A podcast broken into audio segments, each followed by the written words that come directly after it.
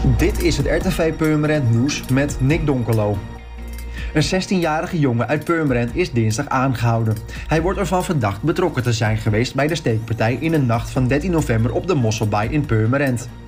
Bij het incident raakte een toen 19-jarige Amsterdammer zwaar gewond. Tientallen feestgangers zouden betrokken zijn geraakt bij een ruzie.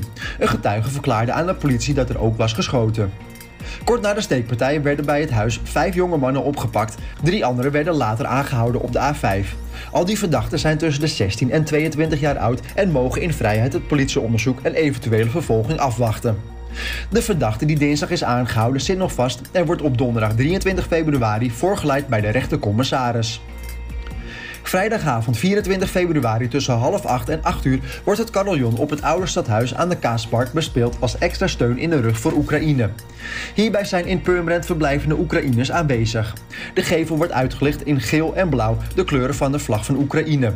Aansluitend zullen om 8 uur de klokken van de Nicolaaskerk en de Lutherse kerk 10 minuten lang bijeren. Het spelen van veel carillons in Nederland aanstaande vrijdag is een initiatief van de Rotary. Die stil wil staan bij het feit dat op die dag precies een jaar geleden Rusland Oekraïne binnenviel. Rotary Club Purmerend hoopt dat zoveel mogelijk mensen komen luisteren en kijken en met hun aanwezigheid de Oekraïense vluchtelingen extra willen steunen.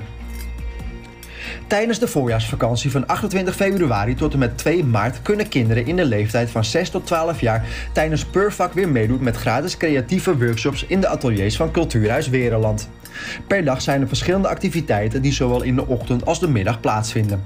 Centraal staat het thema Verras jezelf. Drie dagen lang de meest verrassende workshops met onder andere sieraden maken van een fietsband, schilderen op hout met zelfgemaakte verf, houtbranden, je eigen knuffel maken of een levensgrote versie van jezelf. Maar ook rappen, dansen en toneelspelen. Het hele programma met alle workshops staat op de website van Cultuurhuis Wereland.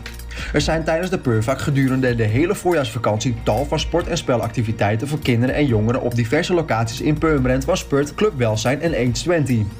Voor meer nieuws, kijk of luister natuurlijk naar RTV Purmerend, volg je onze socials of ga naar onze website, dat is www.rtvpurmerend.nl.